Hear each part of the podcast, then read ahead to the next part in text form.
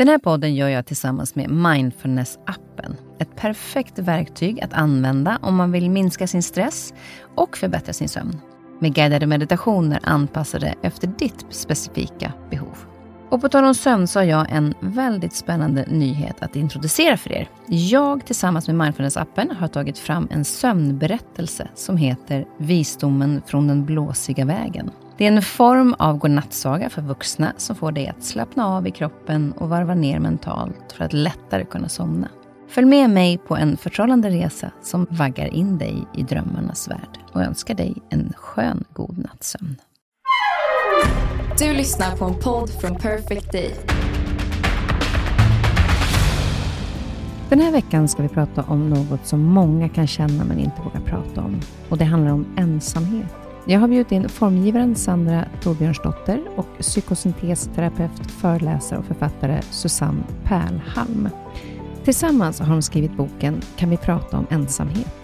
När jag hörde om boken och läste i den så kände jag att det här är ett så otroligt viktigt ämne då så många människor lever i ensamhet eller känner sig ensamma. Vissa av dem bor själva och har inte mycket till umgänge. Vissa är våra äldre som kanske inte kommer ut på samma sätt längre.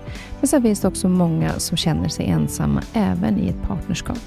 Och en av de personerna som har känt sig väldigt ensam, det är Sandra. Hon hade ett framgångsrikt jobb, singelmamma och sprang maraton. Alltid glad. Men vad många inte visste var att hon kände sig ensam. Hon gick till Susanne för att bearbeta den känslan och lära sig hantera ensamheten som hon kände. Jag har bjudit in dem båda för att få berättelser i hur man kan känna, men också att det går att göra någonting åt det. Ett så viktigt avsnitt, inte bara för er som känner er ensamma, utan även för oss andra som kanske har människor omkring oss som inte vågar prata om det, men som verkligen behöver någon. För ingen ska behöva vara ensam. Så härligt att ni är här. Välkommen Sandra och Susanne. Tack. Tack. Och vi ska prata om ett väldigt, väldigt viktigt ämne, nämligen om ensamhet, som ni har skrivit en bok kring. Och hur kommer det sig att ni bestämde er för att skriva den här boken, Sandra? Ja, det var ju egentligen efter att jag hade avslutat eh, min terapi och samtalscoachning hos Susanne, som jag hade gått i, i två år. Och efter de här två åren så hade jag ju kommit fram till att mycket av det som jag brottades med bottnade i en ensamhetskänsla på ett eller annat sätt. Antingen att jag kände mig ensam eller att jag var rädd för att bli ensam. Och ehm, då kunde jag inte riktigt släppa det, utan jag gick och funderade på, det måste vara fler än jag som tänker så här och som har den här problemet kanske inte man ska, ska kalla det, men, men den här känslan som kan komma och spöka till det. Eh, och då gick jag tillbaka till Susanne efter avslutad terapi och frågade, hur många av dina klienter brottas egentligen med en ensamhetskänsla? Och först så sparade ju Susanne lite spontant att ja, men det, det är ju inte helt ovanligt. Men sen gick hon hem och funderade lite och kunde inte heller släppa det här ämnet och kom tillbaks och sa till mig, jag har tänkt på det du sa. Räknar jag det lågt så är det nog 90 procent. För även i parrelationer och så, så kan man känna att man inte når varandra, att man får en ensamhetskänsla. Så att det här är ju som en röd tråd. Och då utbrast jag, vill du skriva en bok tillsammans med mig? Vi skriver en bok om ensamhet. Och du hakade på? Absolut. Det, ämnet var så viktigt, mm. så det kändes eh, genuint viktigt. Och just det att jag hade inte reflekterat så brett kring ämnet, utan när Sandra kom med frågan så gick jag tillbaka och tittade på de klienter jag haft och jag kunde se den här röda tråden där man kanske inte sa att man var ensam. Det var andra ord för att man kände sig låg eller utanför. Eller livet liksom var inte riktigt roligt. Och när man skrapade på ytan så, så fanns ensamhetskänslan där. Ja, och den, det är ju just det att vi, att vi ska börja prata om det. Därför att jag vet bara när vi har kört podden och ibland när man säger inför julen, att man pratar om hur ska man tänka kring julen och bråk som blir, eller för att göra den bästa julen och så vidare. Och då pratar man ju väldigt mycket om gemenskapen och så. Då får jag, tänker jag alltid och försöker alltid säga det, att jag vet att alla inte har den gemenskapen och att det är en tuff tid för de som är ensamma. Och då när jag fick nys om den här boken så var det så här, ja men gud, vi måste ju verkligen prata om det. För det är ju så viktigt och det är så många som verkligen känner sig ensamma på olika sätt kan jag tänka mig också. Men om vi ska liksom, innan vi ska gå, för jag vet att båda ni två har känt ensamhet i olika perioder. Men vi börjar med dig Sandra, som ändå liksom eh, är grunden till att det här boken blev av. Vad, vad var det, hur såg ditt liv ut? Du var singelmamma och du jobbade. Vad var det som gjorde att du kände att det var någonting som inte stämde? Ja, för mig var det ju egentligen när jag klev av mina anställningar som marknadschef. Det hade jag jobbat med i många år och eh, landade på en och samma ort, så att jag startade ett eget företag där, eh, en egen reklambyrå och eh, bodde på den här orten. Innan hade jag kanske varit mer i rörelse och, och rest och sådär.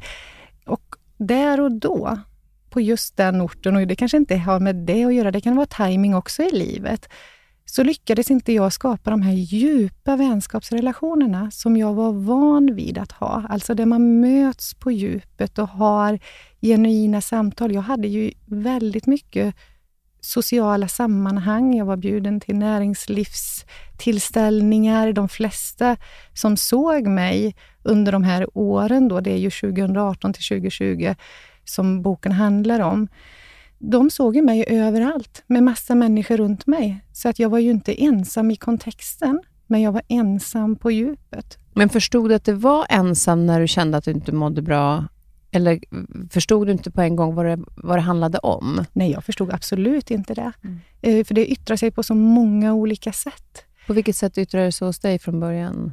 Det börjar ju liksom som ehm, att man känner en tristess kanske mot att det blir helg, för att man inte har saker riktigt inplanerade. Man, man stressar upp sig lite och sen börjar ju ångesten smyga sig på. Det är ju helt normalt. När vi känner oss ensamma så signalerar ju hjärnan med ångest för att det har varit så viktigt för oss att ha ett sammanhang, att befinna oss liksom i en flock, om vi ska kalla det så. Ehm, så att ångesten kommer ju helt naturligt. Det gör den för alla, tror jag, som, som känner en ensamhet. Och då blir man trött, för man går med den här lågfrekventa stressen i de stunderna som man känner det. Och då börjar man tacka nej till att inte vara med. Och så vill man vara själv. Och när man är själv så är det lätt att känna sig ännu mer ensam. Och så får man ännu mer ångest och så blir man ännu tröttare. Ehm, så att för mig var det ju någonting som smög sig på. Men eftersom det smög sig på så hade jag absolut ingen aning om att det handlade om en ensamhet, för det var ingenting som kom så där plötsligt. Det är många ibland som vi kopplar till, ja men var det inte för att du skilde dig? Nej, jag skilde mig 2016, så två år här innan hade jag ju inte den här känslan. Men vad var det som fick dig sen att, att bestämma dig för att jag behöver ta tag och be om hjälp? För pratade du med någon om vad du kände? Eller, eller sökte du sen hjälp för att du mådde dåligt? Nej, jag pratade ju inte med någon hur jag kände eftersom jag inte riktigt hade lyckats identifiera det. Utan eh, det blev helt enkelt så att det var Susanne, eh, som är från Stockholm egentligen, som hade träffat en kille i Lidköping, så hon ville öppna en filial eh, med sin samtalsterapi. Och hon sökte sig till mig för att få hjälp med sin marknadsföring med hemsida och logotyp och sådär. Och eh, under tiden då som vi jobbade med Susannes marknadsföring så läste jag ju på om det här med psykosyntesterapi som hon jobbar med och tänkte att ja, men jag har ju ingen riktigt att bolla alla de här tankarna med. Alltså jag pratar ju mest om ytliga saker i de sammanhangen, eller jobb, väldigt mycket marknadsföring fick jag ju alltid prata när jag kom ut. Men jag hade ju ingen att riktigt bolla det här, vet de här mänskliga frågorna som man går och har liksom lite för sig själv. Så då tänkte jag, ja men jag kan ju prova. Jag provar. Så då frågade jag Susanne att eh, kan inte jag få boka in en tid hos dig? Um, så det var så som det så började Så det var nästan mer jobbrelaterat för att förstå vad det handlade om när du skulle marknadsföra, eller var det också för att du kände att du behövde hjälpen? Det var ju under tiden som jag jobbade med det som jag insåg att jag behövde hjälpen. Hade jag bestämt mig för det så vet jag inte om jag hade kommit fram till det, för att jag har alltid varit en person som har full fart. Så jag jobbade ju jättemycket, jag tränade jättemycket, jag höll ju igång. Um, så det hade nog tagit längre tid och jag hade nog mått sämre innan jag hade sökt hjälp hos Susanne. Och Det är också svårt att tänka i en sån situation, för du är som du säger, du är aktiv och du är med överallt och du har liksom en social, utåt sett, eh, mycket människor runt omkring dig. Så att andra människor kan ju inte se den ensamheten heller, så kanske, som man själv kan känna. Nej, absolut inte. Och det är ju många som har sagt det nu i efterhand, när vi har skrivit den här boken, att det är så bra att det är du som delar de här berättelserna, för att det är inte riktigt den bilden man har. Mm. När vi pratar ensamhet så har vi alltid en sån stigmatiserad bild, att man ska kunna se utanpå vem som är ensam inuti. Och så är det ju verkligen inte. Alltså ensamhet är ju en känsla, jag tror att alla någon gång i livet kommer att drabbas utav den. Men ibland kan den kanske vara svårare till och med när man har så mycket människor runt sig, att ens kanske bli tagen på allvar om man säger att man känner sig ensam. Mm. Men man känner sig inte ensam heller dygnet runt, utan det här är ju en känsla som kommer och går.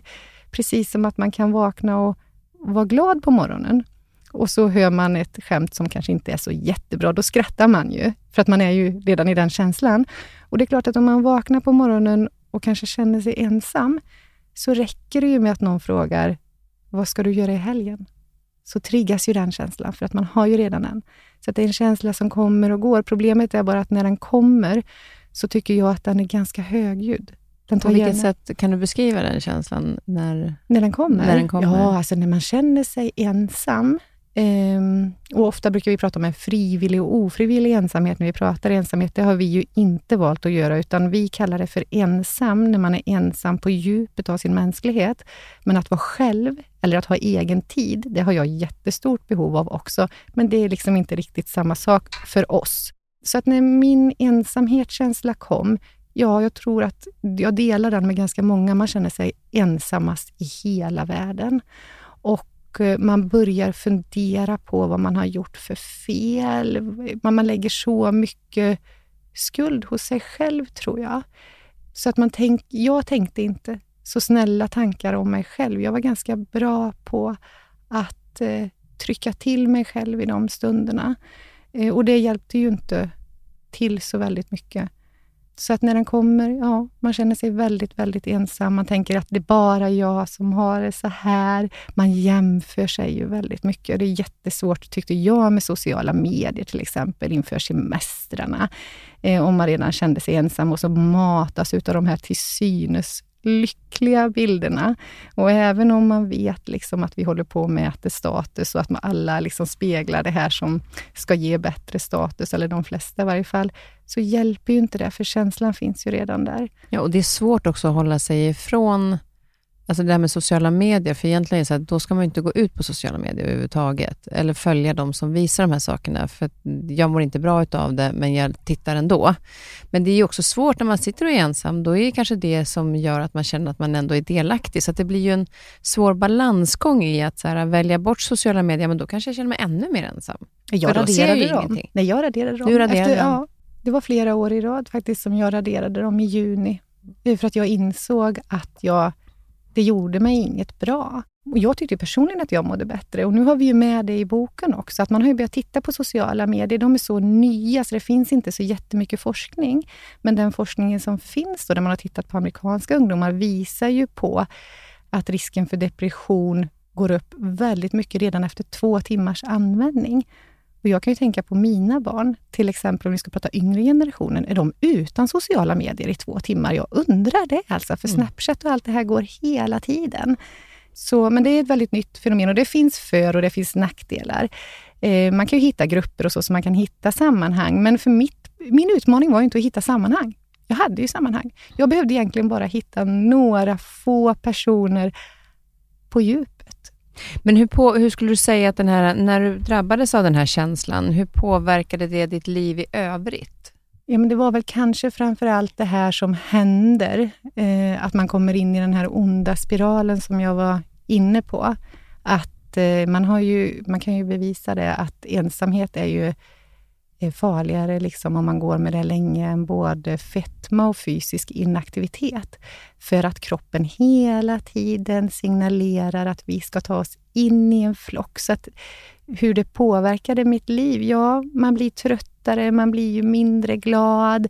Man hamnar i det här som jag var inne på tidigare, att man själv väljer att dra sig undan för man inte riktigt har orken. För min del var det ju att att om jag väl tackade ja och gick på någonting, så kände jag alltid att jag var tvungen att bidra, liksom, tillföra någonting, vara roligast, ha med mig någonting, se till att alla andra...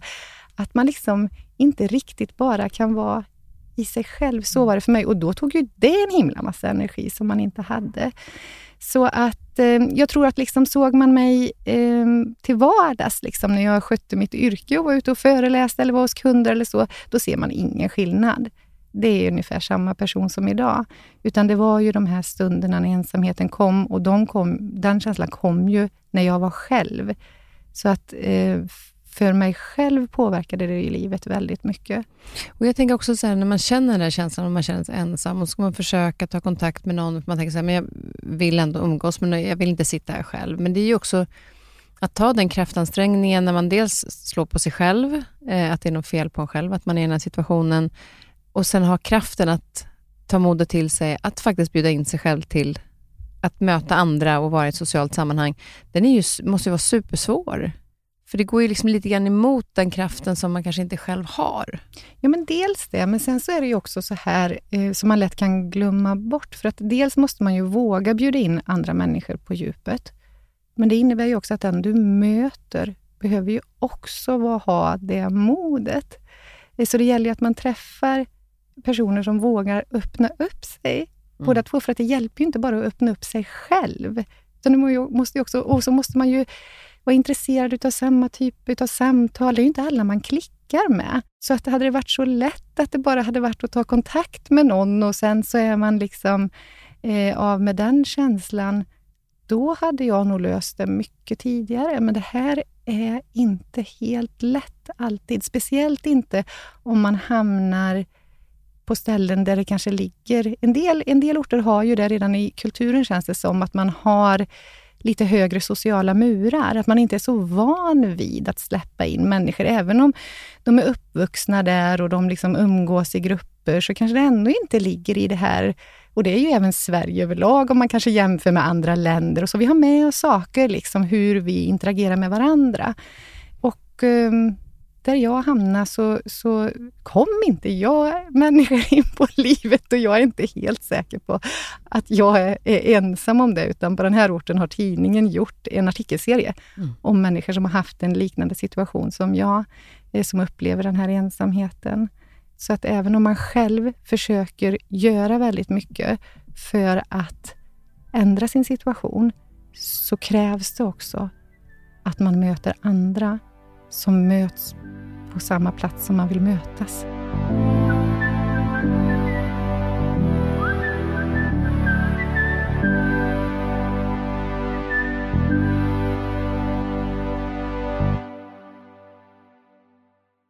Till slut så bad du i alla fall om hjälp och det var ju då eh, i samband med den här marknadsföringen av eh, Susannes. Eh, och vad, vad, skulle du säga hände i första perioden när du fick hjälp och i samtal, att det började liksom uppdagas? Hur lång tid tog det innan du förstod att det handlade om ensamheten?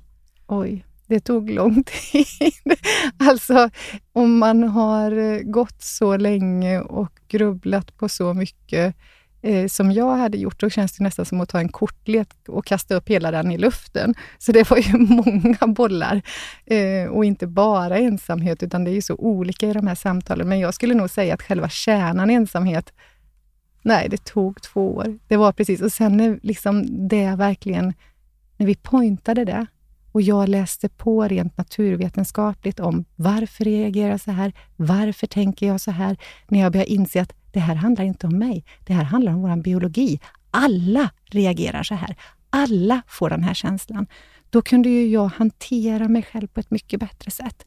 När ångesten kom så kunde jag tänka, aha, det är ju helt naturligt. Vi har ju överlevt tack vare den här signalen. Det är ju det som har varit så viktigt för oss. Det här handlar inte om mig. Det här handlar om oss. Och Det är det som jag tycker är så häftigt när man...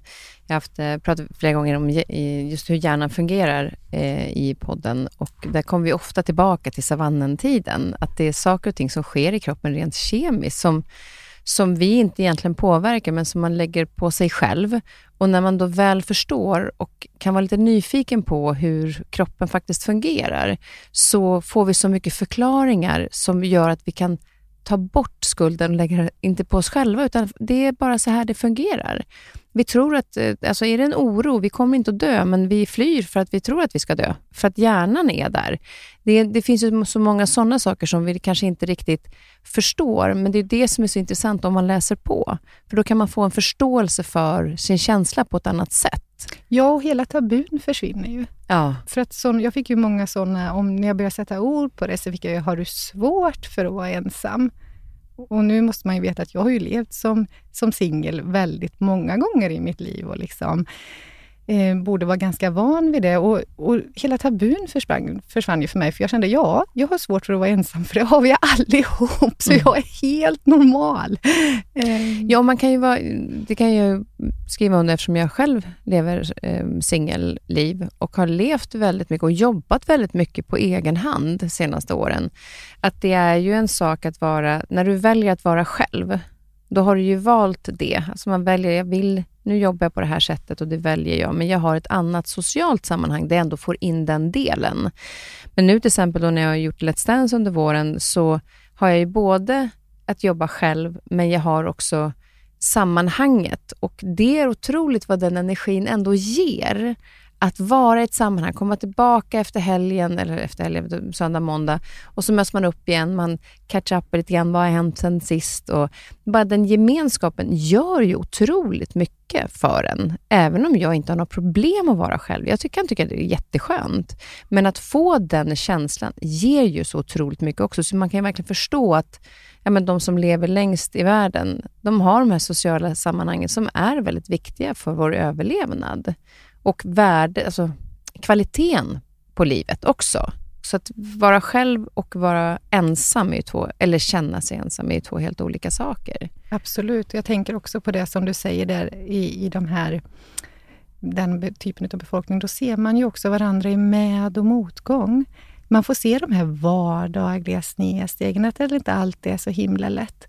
Men idag ser vi väldigt mycket medgång hela tiden det är de sidorna som vi väljer att lyfta fram, till exempel om vi kommer tillbaka till sociala medier. Det är ju få som lägger ut en tvättstuga full med tvätt liksom, fredag kväll.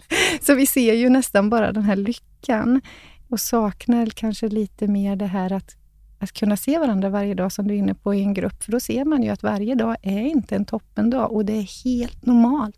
Och där är också svårt tycker jag, för just det med, det har jag varit inne på förut med sociala medier, eftersom jag nu har ganska många som följer mig, att jag har svårt att lägga ut de dagar jag känner mig så, därför att jag vill inte att alla mina snälla följare ska behöva... Liksom, jag måste ju komma till bukt med vad är det jag behöver, inte vad alla andra har för erfarenhet och tycker att jag ska göra, vilket är jättesnällt när de tipsar om man nu har en dålig dag.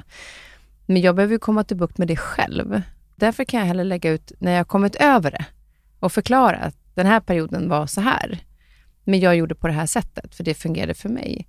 Så det är inte... Vi har ju ett ansvar att visa, såklart, vardagen om man nu vill det.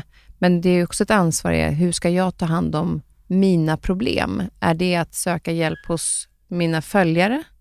Att de ska hjälpa mig, vilket de oftast gör för att de är snälla. Eh, eller ska jag söka mig in i, i mig själv? Så det blir ju också en balansgång i det där. Vad ska jag välja att lägga upp? Absolut. Eh, och det är också sån här, därför är det ett ansvar hos mig, men det är också ansvar hos den som följer. Att hur mycket ska jag ta till mig utav mig? Och jämför inte mitt liv med ditt. Alltså, vi kan inte jämföra med någon annan, för vi alla lever olika liv. Och vi måste utgå ifrån oss själva väldigt mycket. Ja, jag, jag, skulle vilja flika in faktiskt också just det här att exponera sig är också att ta en risk. Att exponera sig i sin sårbarhet och det är också kvar ifrån savannen. Så att det, det är begripligt det du säger att jag kanske behöver bearbeta det först innan jag blottar mig. Exakt, och den tycker jag är också bra att ta upp, därför att det är ju får ju oftast höra, men, så här, ja, men du bara visar när det allt, allting är så bra. Ja, dels vill man ju inspirera till att det går att, liksom, så här kan man göra eller vad det nu är. Men, men de dagarna när man är i sitt jobbigaste, då har jag, det är olika, för vissa tycker om att lägga ut om det och mår bra av det och få hjälp eh, och då ska de ju göra det såklart. Men det kan också vara, om jag nu jobbar med att försöka lära mig, vad behöver jag? Då behöver jag fråga mig själv vad jag behöver. Mm. Och sen gärna kan jag dela med mig av den erfarenheten. Det har jag inga problem med. Men att man också eh, jobbar med det själv. Mm. Men sen, du jobbar ju med psykosyntes. Eh, vad, du kan berätta lite grann vad det är för någonting? Um, lite kort ska jag kan säga att psykosyntesterapi är, är flera dimensioner av psykologi. Vi har ett um, när vi tittar på eh, en individ så tittar vi på både kropp och själ och helheten. Eh, så man kan säga det man har plockat ut, till exempel KBT, vi tittar på den kognitiva beteendebiten, finns där. Samtalsmetoden MI har vi med i det. ACT, acceptans. Så att vi, man kan säga att det är en kombination av flera eh, psykologier. Men, men då när man kommer till ensamhet, hur skulle du säga, du, du sa att upp till 90 procent egentligen av de du möter har någon form av ensamhet? Kan man se en, någon form av gemensam nämnare som gjorde att du liksom hittade att det faktiskt var så många? Eh, då får man tänka att de som kommer till mig har kommit till eh, en plats i livet där de vill ha hjälp. Så att redan där är det någonting de har upptäckt att det är någonting som kanske inte fungerar i deras liv av olika anledningar. Det kan vara både sorg, det kan vara en relation som inte fungerar eh, av flera olika saker. Och i den, det här vet man ju inte vad som är hönan eller äggen, men när man inte mår väl så ser jag att det kommer, ensamhetsbegreppet kommer in. Eh, så min reflektion, mår man dåligt eller sämre eller utmaningar för att man känner sig ensam? Eller är det utmaningarna i sig som gör att man upplever sig ensam? Men när jag tittar på det så, så, så det är allmängiltigt, precis som Sandra var inne på, att det här är någonting, den här känslan av ensamhet har vi fått med oss för att det ska skydda oss, om vi går tillbaka till savannen och hjärnan där, för att inte hamna utanför vår tillhörighet, för den blev ju existentiell då, den kunde ju vara lika med att dö. Så den ligger där rent biologiskt hos oss. Och när vi då inte mår så bra eller får utmaningar i livet av olika anledningar, ja, men då tycks det som att man kan känna sig att jag är ensam om den här utmaningen. och just när man kommer till den delen av att man söker hjälp, så den ligger som en röd tråd. Och vad, vad, brukar hända när ni kommer till det? För vi pratade faktiskt lite grann innan eh, vi började spela in. Jag var inne på att när, under pandemin där, att jag en helg satt och var så arg på alla mm. som åkte längden två timmar och satt där med sina familjer för att jag var själv hemma. Och blev liksom förbannad på något sätt. Mm. Och sen så satt jag mig ändå och reflekterade över, varför jag är ju inte den som blir arg. Alltså folk får göra vad de vill, bara de hänger ihop och inte smittar andra. Men jag ska inte lägga mig i det. Och sen så kom jag underfund med att det var ju för att jag var ju själv hemma. Jag kunde inte åka till någon för att jag fick ju inte möta upp någon annan på grund av smittorisken och så vidare. Och kom tillbaka till att jag var ju inte jag var inte arg, jag var ju snarare lite ledsen för att jag satt där själv när det regnade ute och vi skulle egentligen ha varit i Frankrike, hela familjen i, på bröllop. Och då kom jag ju åt känslan och då kände jag så här, är jag ensam? Nej, det är ju inte. Mm. Alltså, alla de här människorna finns ju, men vi kan inte mötas just nu. Så att jag var tvungen att bryta ner det för att förstå vad min egentliga känsla är. Hur viktigt är det att man kommer åt den riktiga känslan där problemet ligger? Förstår jag vad jag menar? Ja, den är jätteviktig. Du, du sätter fingret på den här som vi brukar beskriva också även i boken. Att skapa en god relation till sig själv den är så viktig att förstå sina egna mönster, vad man är präglad av, vilka reaktioner, vad är det som triggar mig i olika situationer. Och just det du gjorde, stanna upp en stund. Vad handlar det här om? Varför är jag arg? Nej, jag är egentligen inte arg. Men vad är det då? Ja, jag sitter här själv. Ja, jag kanske faktiskt är lite ledsen, men det är okej. Okay. Och sen så reflektionen av, som du beskriver, men jag har ju människor omkring mig. Mm. Så det är, den här, det är din relation till dig själv, där du resonerar med dig själv och den är väldigt viktig. Och jag brukar säga, var rädd om relationen till dig själv, för det är den längsta du har. Ja, och där är ju den att man får spegla det istället för att gå och vara arg på sig själv. Alltså så att man, som, som du var inne på Sandra, ibland att man kan liksom, nej men nu sitter jag här själv och så hittar man anledning att, och skyller på sig själv att man är mm. ensam, fast det kanske är någonting helt annat egentligen. Men ensamhet kan ju vara så många olika saker som du redan varit inne på. Och man tänker ju ofta när man pratar om ensamhet att det är de som sitter själva. Man tänker på julen till exempel, att människor som är ensamma och inte har någon familj att åka till. Men det finns ju också en ensamhet som människor som till exempel lever i en parrelation, Mm. där de kan känna sig oerhört ensamma. Hur är den ensamheten, skulle du säga? Möter du den ofta i terapi? Mm, Jag arbetar ju också med par och, och som sagt, som du var inne på också Sandra, att ensamheten syns ju inte utanpå alltid. Eh, och ibland, av erfarenhet när jag jobbar med par, så kan den ensamheten upplevas svårare, för att den är inte så synlig. Eh, och jag har min partner där och det är en tvåsamhet eller en familj, men ändå så saknas det någonting på djupet, eh, som du också var inne på, just den här djupa relationen. Och jag kan känna mig väldigt ensam fast jag har en partner och kanske nästan mer ensam, för jag blir inte sedd av min partner, så det blir så uppenbart. Och hur kommer man åt den situationen? För jag kan tänka mig också utifrån sett så är det inte kanske folk som reagerar på att ens tänker tanken att du är ensam, för du ska ju iväg med din eh, partner i helgen och eh, göra saker, så att man tänker inte ens det. Hur, hur, Jag har ju ett par som har beskrivit att de åker iväg, de ska åka på en spa-weekend och det ser så mysigt ut och den ena parten sitter bara och tittar på alla andra som verkar vara så lyckliga och så tittar på sin partner. Jag har ingenting att säga till min partner. Och att det gör ont. Alltså det här gör ju ont också, den här känslan av, av ensamhet men vad det. gör man i en sån situation när man känner den ensamheten med sin partner? Mm, alltså det, vi behöver kommunicera. Kommunicera på riktigt och eh, ta det modet. Det här är inte lätt. Det finns inga quick fix, utan ja, det går inte. Men just kommunikationen emellan, vi behöver kontakt med varandra. Det är ju det, det ligger i vår natur att ha kontakt och kommunikationen är ett sätt. Eh, och klarar vi inte det, ta hjälp, för det går. Ja, och hur viktigt är det egentligen? För att just det här att ibland kan man ju då, om man tänker en parrelation, så försöker man prata, men som du var inne på, det spelar ingen roll om jag pratar om den andra personen inte möter mig i den känslan jag har. Vilket kan vara lätt för den andra parten då, så här, nej men jag förstår inte vad du menar, jag tycker inte att det här är så konstigt. Mm. Alltså, att, att då söka hjälp, vad, vad ger, på vilken dimension kan det göra skillnad? I bästa fall, så man behöver ju vara två för att söka den hjälpen om man vill ha hjälp in i relationen. Sen kanske man inte kan förvänta sig att man kan få allting av sin partner. Så att man kan, det man har behov av, kanske djupare eh, kommunikation eller djupare relation, kan man också få via en vän. Men där får man väl göra som du gjorde. Man får ta sig en, en genomtänkare här. Är det värt att stanna i det här? Kan jag hitta de djupare samtalen någon annanstans och kan jag tycka att det fungerar ändå? Och gör det inte det, men då söker man hjälp, för det går.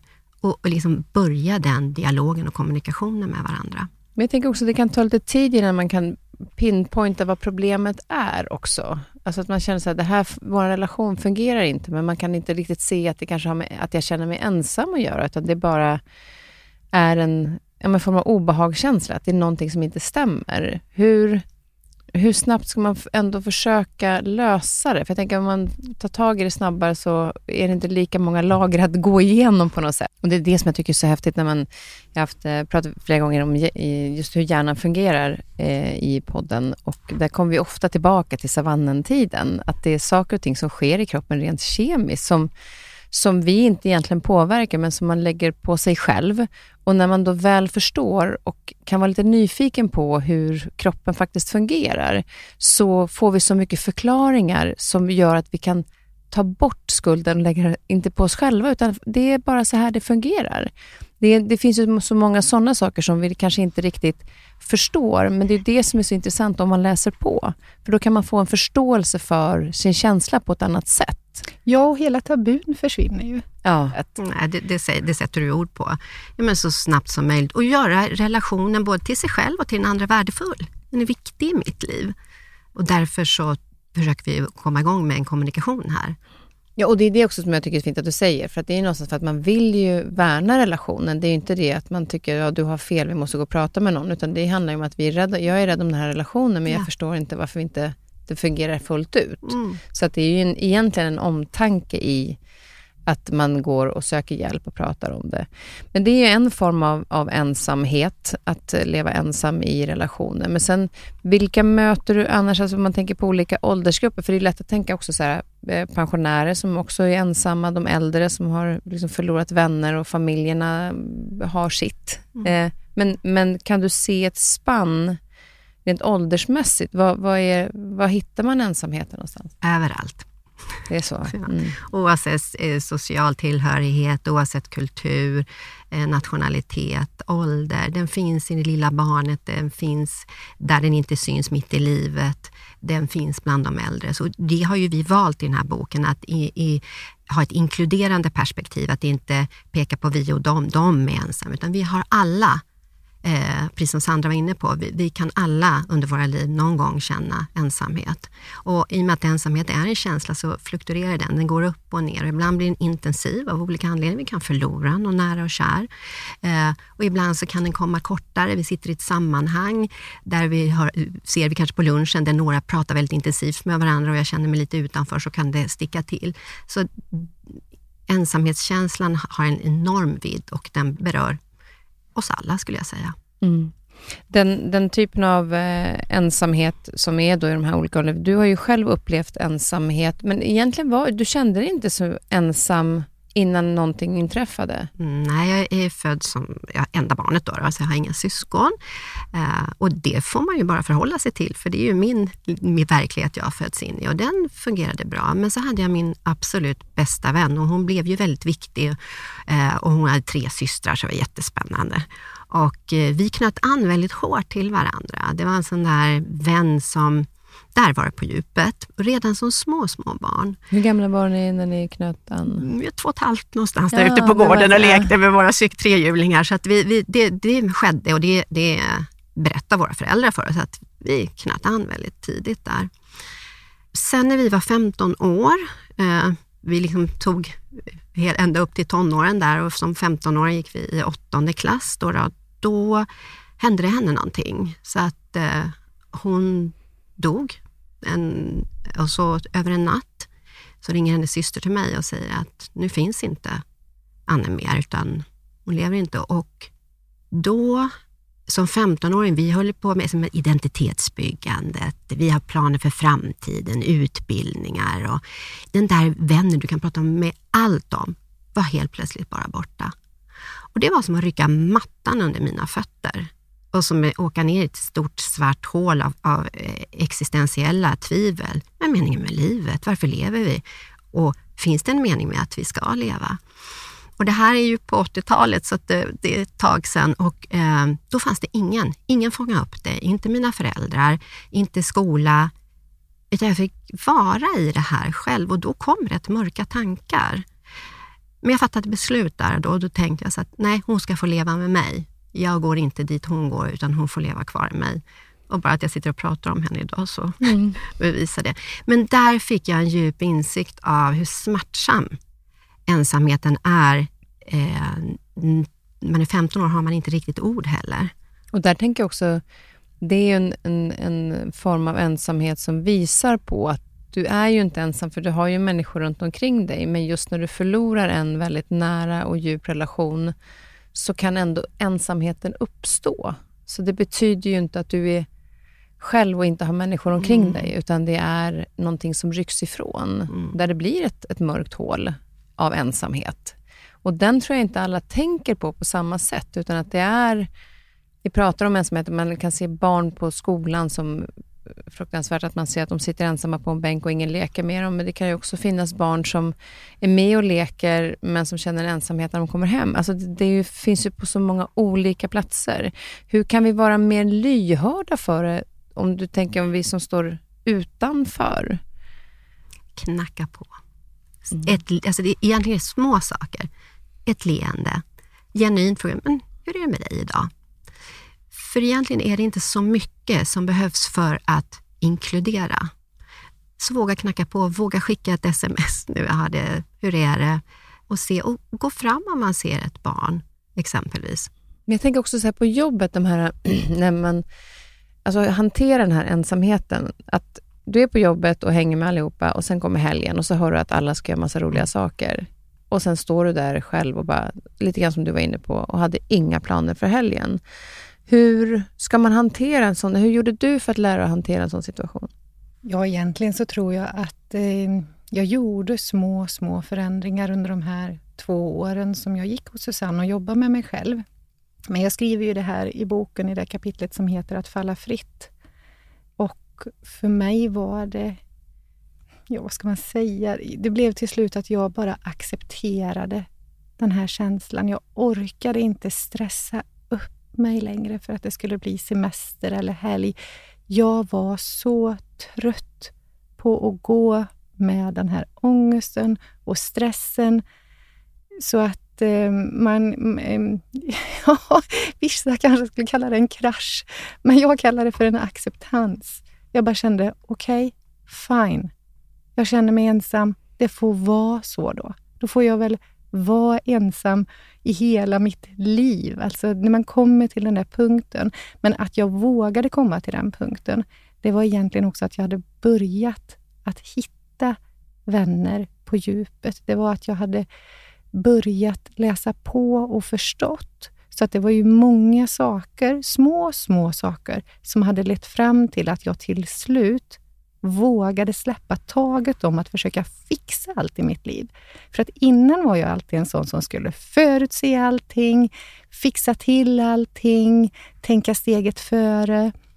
Jag hade väl kommit till en punkt, precis som det som Susanne är inne på, som du pratade om, det här att vara sin egen bästa vän, att fånga upp sig själv.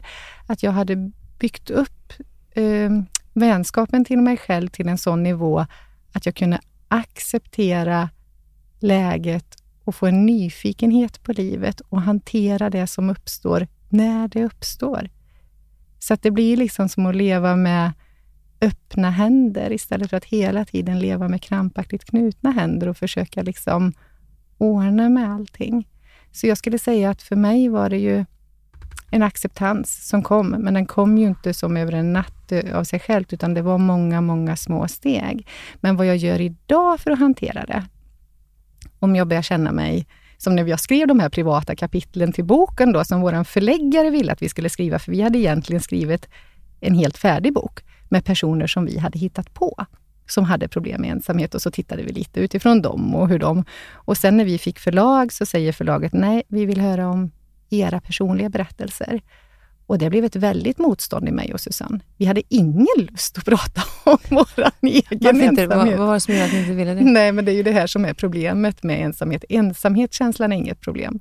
Problemet är att vi håller på att låtsas som att vi själva inte kan bära den här känslan eh, och att vi inte pratar om den. Det är precis som att man kan välja att ja, glädje vill jag känna och sorg kan jag känna och eh, vad trött kan jag känna, men ensamhet vill jag inte känna. Så fungerar det ju inte, utan känner vi känslor så känner vi alla känslor.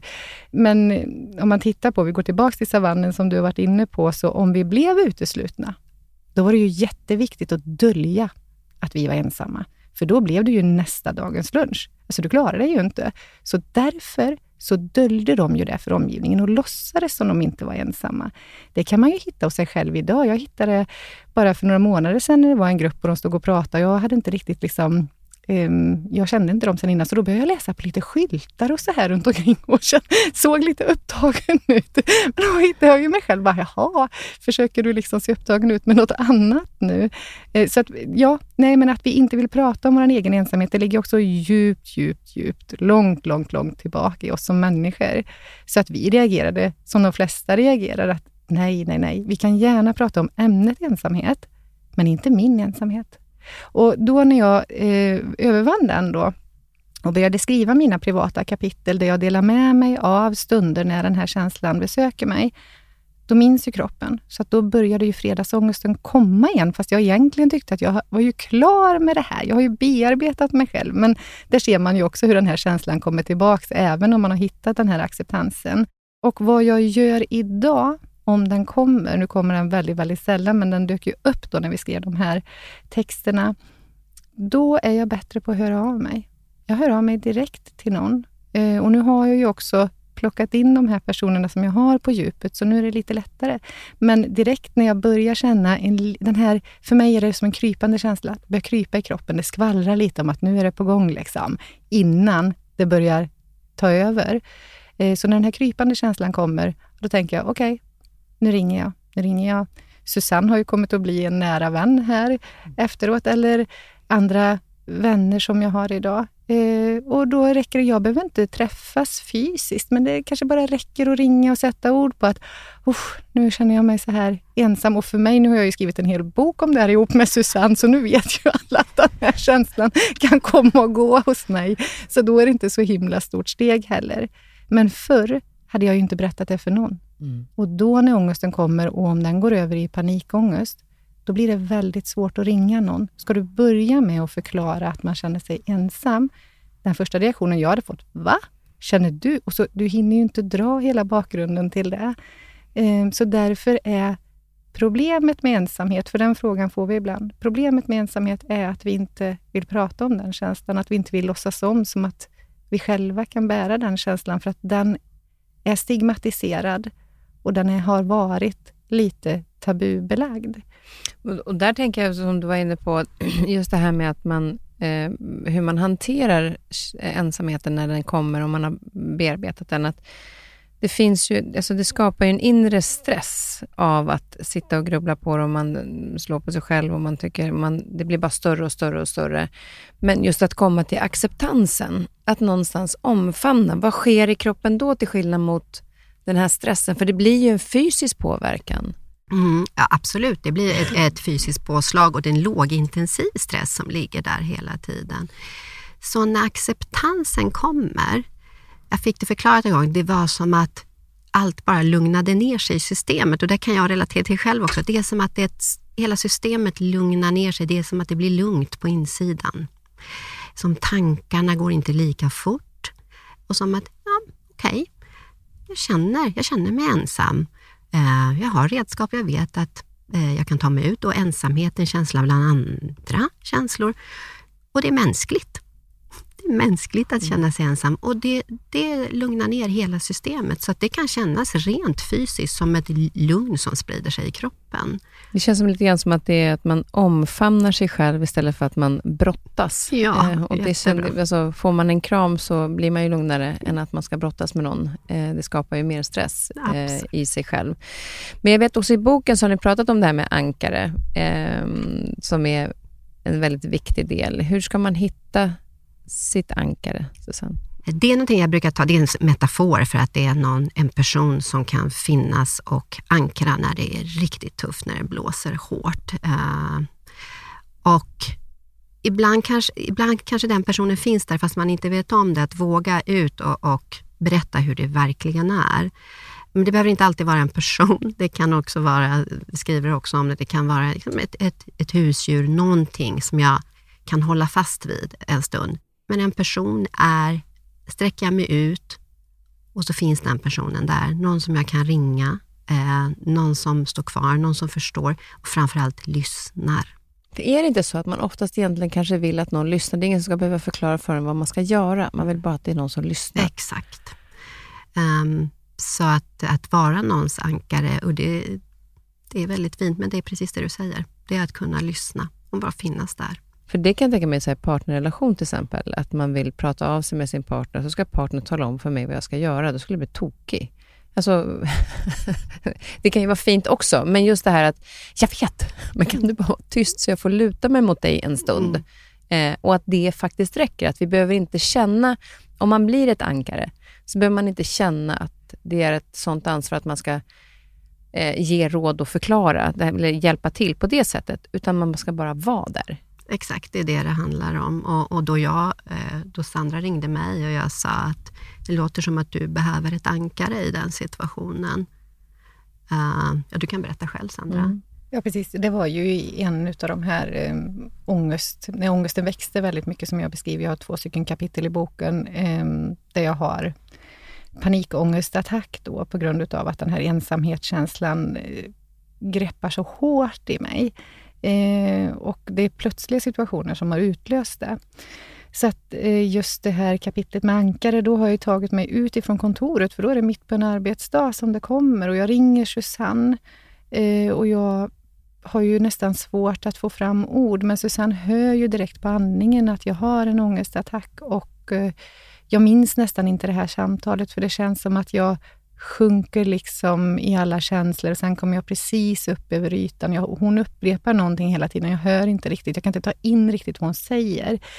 Eh, men sen hör jag ju det här med ankare och vi har ju inte pratat om det tidigare i våra samtal, så att eh, Susanne får ju förklara då att det är någon som jag kan ringa till eh, direkt när den här känslan kommer krypande, som jag berättar, som är lite så som jag hanterar det, om det dyker upp idag. Och jag har ju människor runt mig, men jag har också varit en sån här person som ska fixa allting själv.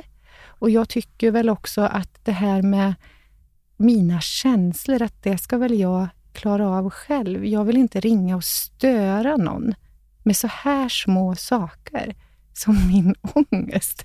Jag har ju inte någon sjukdom liksom. Så att då svarar jag Susanne, för jag är så ovan vid att be om hjälp, att jag har ingen. För just där och just då känner jag att jag har ingen som jag tycker att jag ska störa med det här hela tiden. Just nu när det spökar så mycket. Och då säger ju Susanne, ja men då, då får jag vara ditt ankare.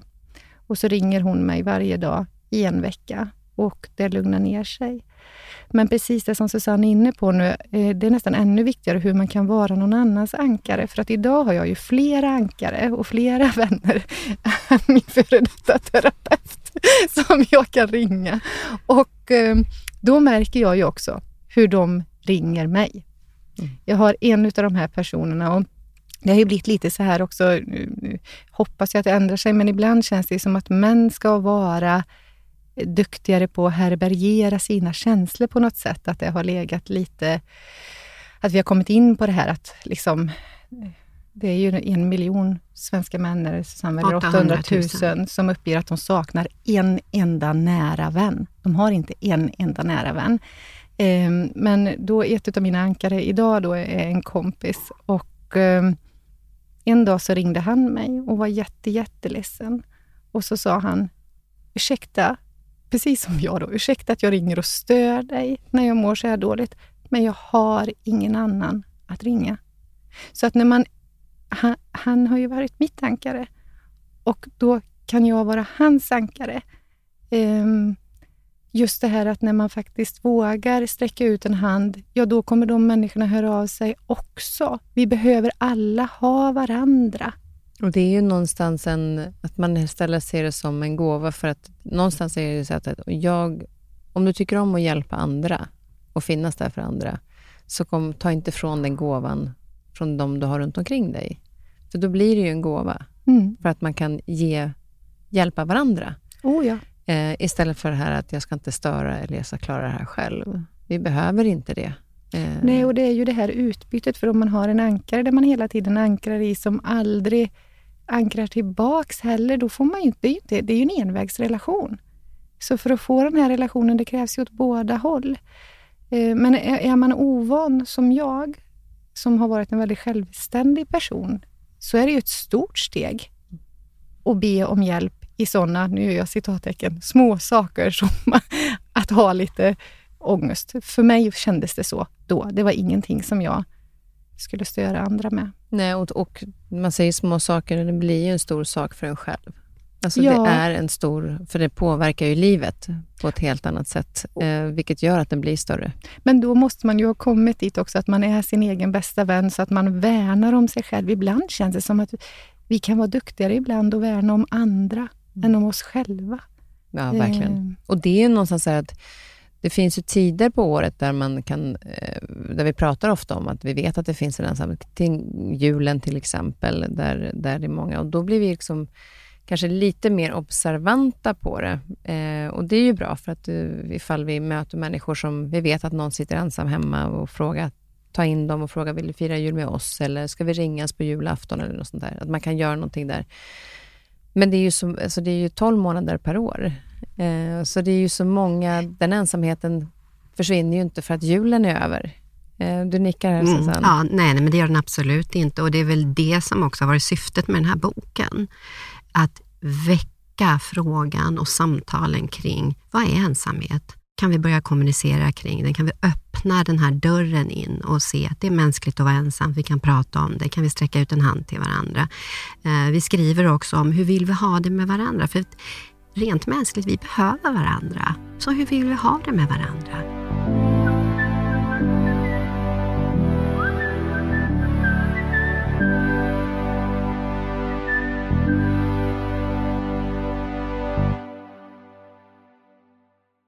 Det tänker jag också nu, att om det är någon som lyssnar som känner just den här känner igen sig och det kanske till och med börjar hända saker i kroppen, att det kommer lite ångest därför att man vet att nu kommer min känsla bubbla upp för jag känner igen mig i det ni pratar om. Eller så här, jaha, är det det här jag känner? Kan det också vara en aha-känsla? Hur ska man göra? För jag vet till exempel att ni har lite olika tips, till exempel en, enprocentsmetoden. Eh, om man ska börja jobba med att komma över sin ensamhet, vad är det för metod? Um, då tar man små, små steg istället för stora kliv. Ett litet, litet steg är bättre än inget steg alls. Eh, att göra. Och vi har också varit noga med att poängtera att det här är inte något lätt, att gör bara så här så blir det av med ensamhetskänslan, för den är ju där. Och det krävs ett visst mått av mod att ta de här små stegen. Och jag vill fortfarande trycka på just det här med att, att, skapa den här goda relationen till sig själv, för det handlar också om att veta vad har jag för behov? Eh, vad har jag för önskningar? Vad har jag för drömmar? Att börja skapa den inre relationen och ta de här små, små steg, ett steg i taget. Då tar man ett steg varje vecka, så tio veckor är 10 procent. Ja, men, och vad kan det vara för steg?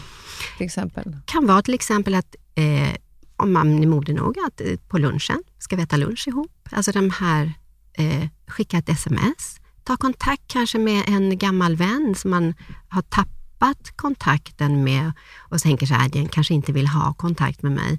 Men vi vill det allihopa och tänk själv, hur glad skulle inte jag bli om någon gammal vän kontaktar mig? Och så vidare. Eh, det är svårt att ge eh, konkreta tips på hur man gör, men det är de här små stegen ut i kontakt. Jag kommer ihåg då just under pandemin, för då var det väldigt många som, och det kan jag tänka mig att du som terapeut mötte många under den här tiden kanske, som verkligen kände ensamhet. Men när du då inte kunde umgås och fick vara nära varandra, och jag som tycker om att kramas, vill gärna krama alla jag möter, var ute och gick eh, runt Djurgården, Djurgårdskanalen, och det här har jag tagit upp förut, för jag tyckte att det var så otroligt häftig upplevelse. Att jag, där gick ju alla väldigt långt ifrån varandra, det var inte så mycket folk, men jag var ute med hunden och så möter jag en kvinna som går då liksom längst ut på ena kanten, jag går längst ut på den andra. Och precis när vi möts så vänder vi oss mot varandra och ler och tittar på varandra. Och jag kände som att jag fick en kram. Mm. Att det här att någon såg mig och någon log mot mig, att det kan ju vara typ en sån procent. Att om jag Absolut. inte vågar säga än, kan vi ta en lunch tillsammans, så kan jag möta mina arbetskamrater med ett leende och titta på dem för att ta den första kontakten istället för att vända mig undan och inte vara till besvär. Är det en sån grej till Absolut. exempel? Jag har sett ett, benämna någonting som är jätteviktigt. För just ett leende, det smittar av sig. Och just en ögonkontakt. Jag ser dig, Mm. Alltså, det låter som små saker, men de är så betydelsefulla. Bjuda på ett leende och en blick. Och just det också att man kanske, jag ser dig, men det är också ett sätt för att då kommer du se mig. Mm. Alltså att man hjälper in i den situationen. Om man mm. inte känner sig sedd, så kan man ju börja med att se andra själv och mm. lyfta blicken. Det kan låta, för många kan det vara jättejobbigt, ja. men det kan ju vara en, en övning, för då behöver du inte säga något. Utan det är just liksom mötet bara med blicken som kan göra skillnad. Oh ja, och jag tänker också på det, att vara närvarande. Mm. Att stanna upp och vara närvarande. För att det är klart, det som du berättar, att man möter blicken, det är också att visa på att man är närvarande.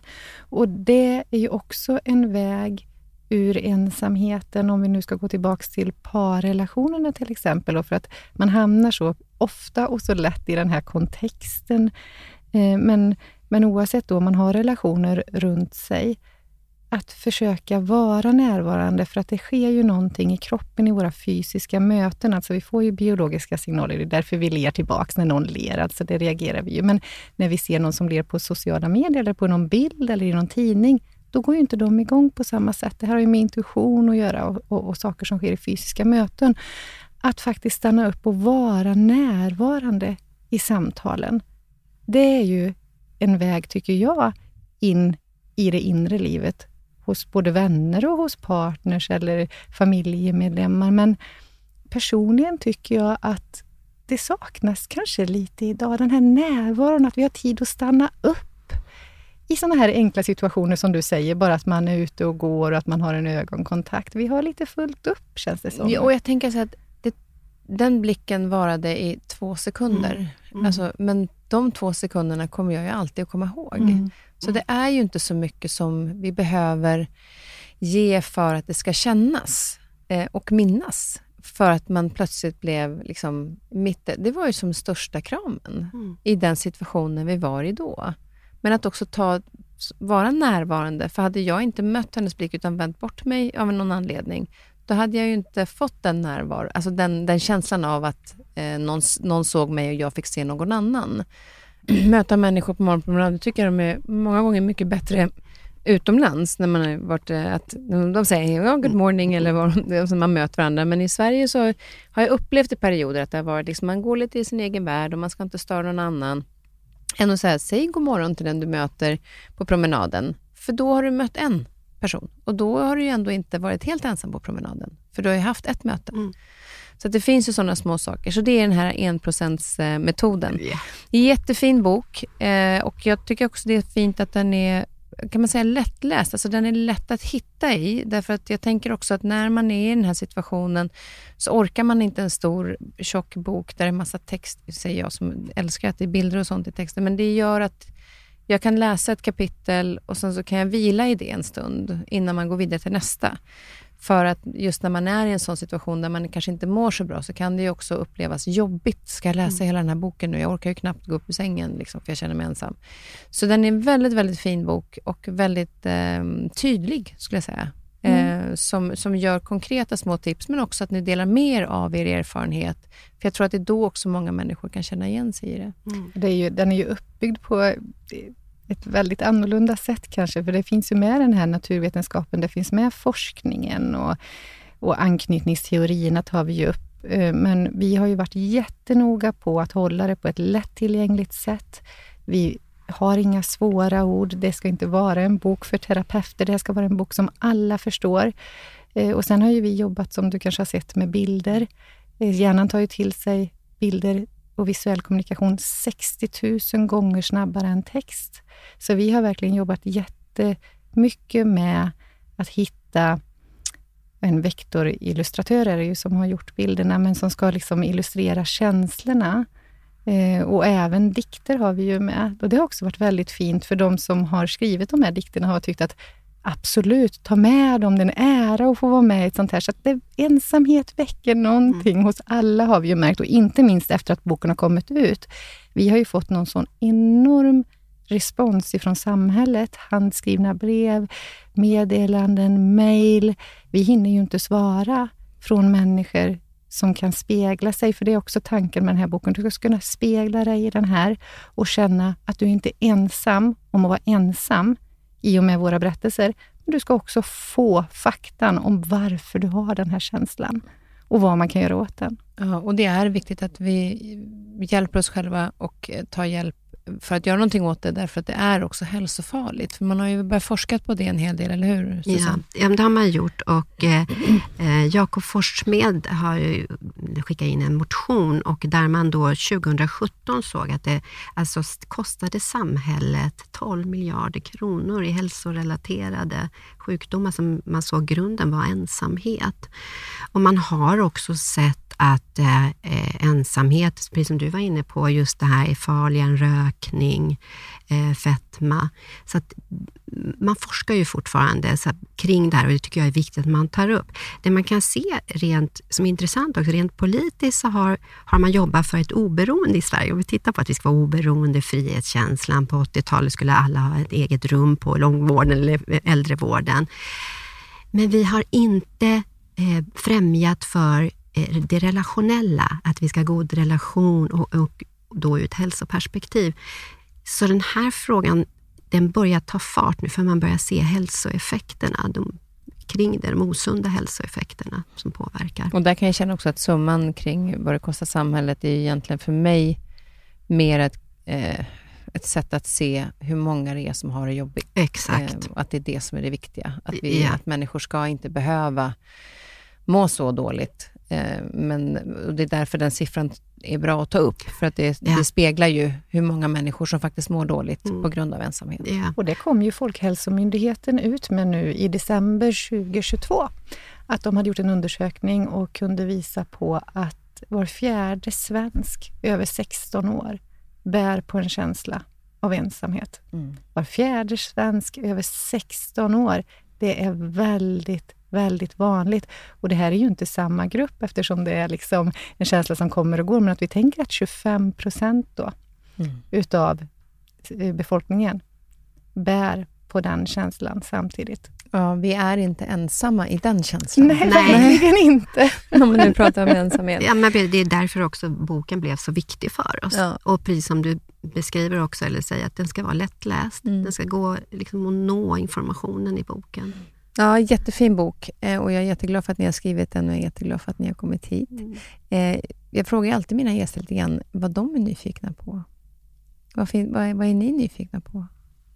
Det kan vara allt. Alltså vissa är så här, jag undrar hur man kokar den perfekta potatisen. Ja, men äh, jag är mänskliga relationer och, och var, just temat kring hur ska vi ha det med, kan vi liksom förändra samhällsstrukturen? Kan vi nå varandra igen? Kan vi liksom bryta vallen av att vi fick vara isolerade från pandemin? Jag är nyfiken på hur kan vi skapa goda mänskliga relationer? Mm. Det är jag nyfiken på. Det är nyfiken på. Och du Sandra? Ja, men jag har ju liksom kommit till en punkt där jag är nyfiken på livet i stort, både mitt eget och, och hela världen och, och vad som ska hända. Så förr så, så försökte jag ju leva mitt liv, men nu låter jag ju livet leva mig lite. Så att eh, det finns en, en väldigt eh, en väldig spänning att hitta när man lever lite mer med öppna händer och bara låter det, låter, låter det se vad som händer. Så jag skulle säga att jag är nyfiken på livet. Men det är också lite man kan se då nu när du har kommit ut lite på andra sidan efter det här. Mm. Alltså hur livet har påverkat dig, hur du mådde innan och hur mm. du mår efter. Att nu finns det en nyfikenhet på ett annat sätt än att du stängde, som jag upplevde att du stängde dörrarna och man stänger in sig så blir det ju att när man kan jobba med det här och bearbeta så kan det öppna så många dörrar och det finns, man förstår att det finns så mycket mer där ute. Oh, jag fick faktiskt en jättefin lapp när vi föreläste häromdagen. Så var det en man, en äldre man som kom fram med en lapp och så sa han, den här får du öppna när jag har gått. Och så öppnade jag den och då så stod det, att må dåligt är en bra start. Och det ja, var, ja, precis. Jag var tvungen att tänka till mm. där. Men det, det är ju faktiskt starten till någonting nytt. Tack snälla för att ni kom och den här boken då heter Kan vi prata om ensamhet som jag tycker verkligen att ni som känner igen eller också har människor runt omkring er, som, vilket vi alla har, eh, så är det en viktig bok för alla. Mm. Stort tack. Vi ska avsluta med en låt. Vilken har ni valt? Ja, det var mitt val. Ja. ja running, running up that hill. Exakt. Och varför valde du den låten då? Därför den handlar om relationer. Och den handlar om hur svårigheten kan vara relationer och där hon vill göra en deal med Gud och byta med sin partner. Tänk om vi kunde byta så man får känna hur den andra känner. Ja, den är bra. Mm. Då avslutar vi med den. Mm. Tack snälla Sandra och Susanne. Tusen tack. tack.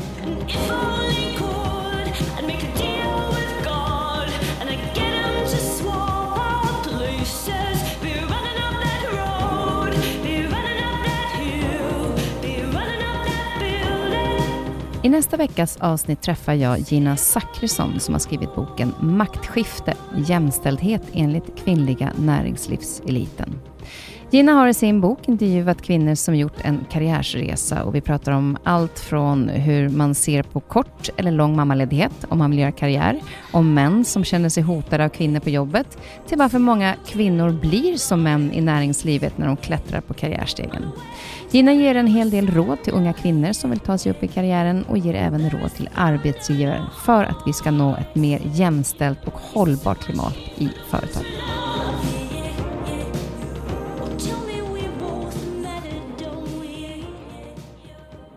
Den här podcasten är producerad av Perfect Day Media.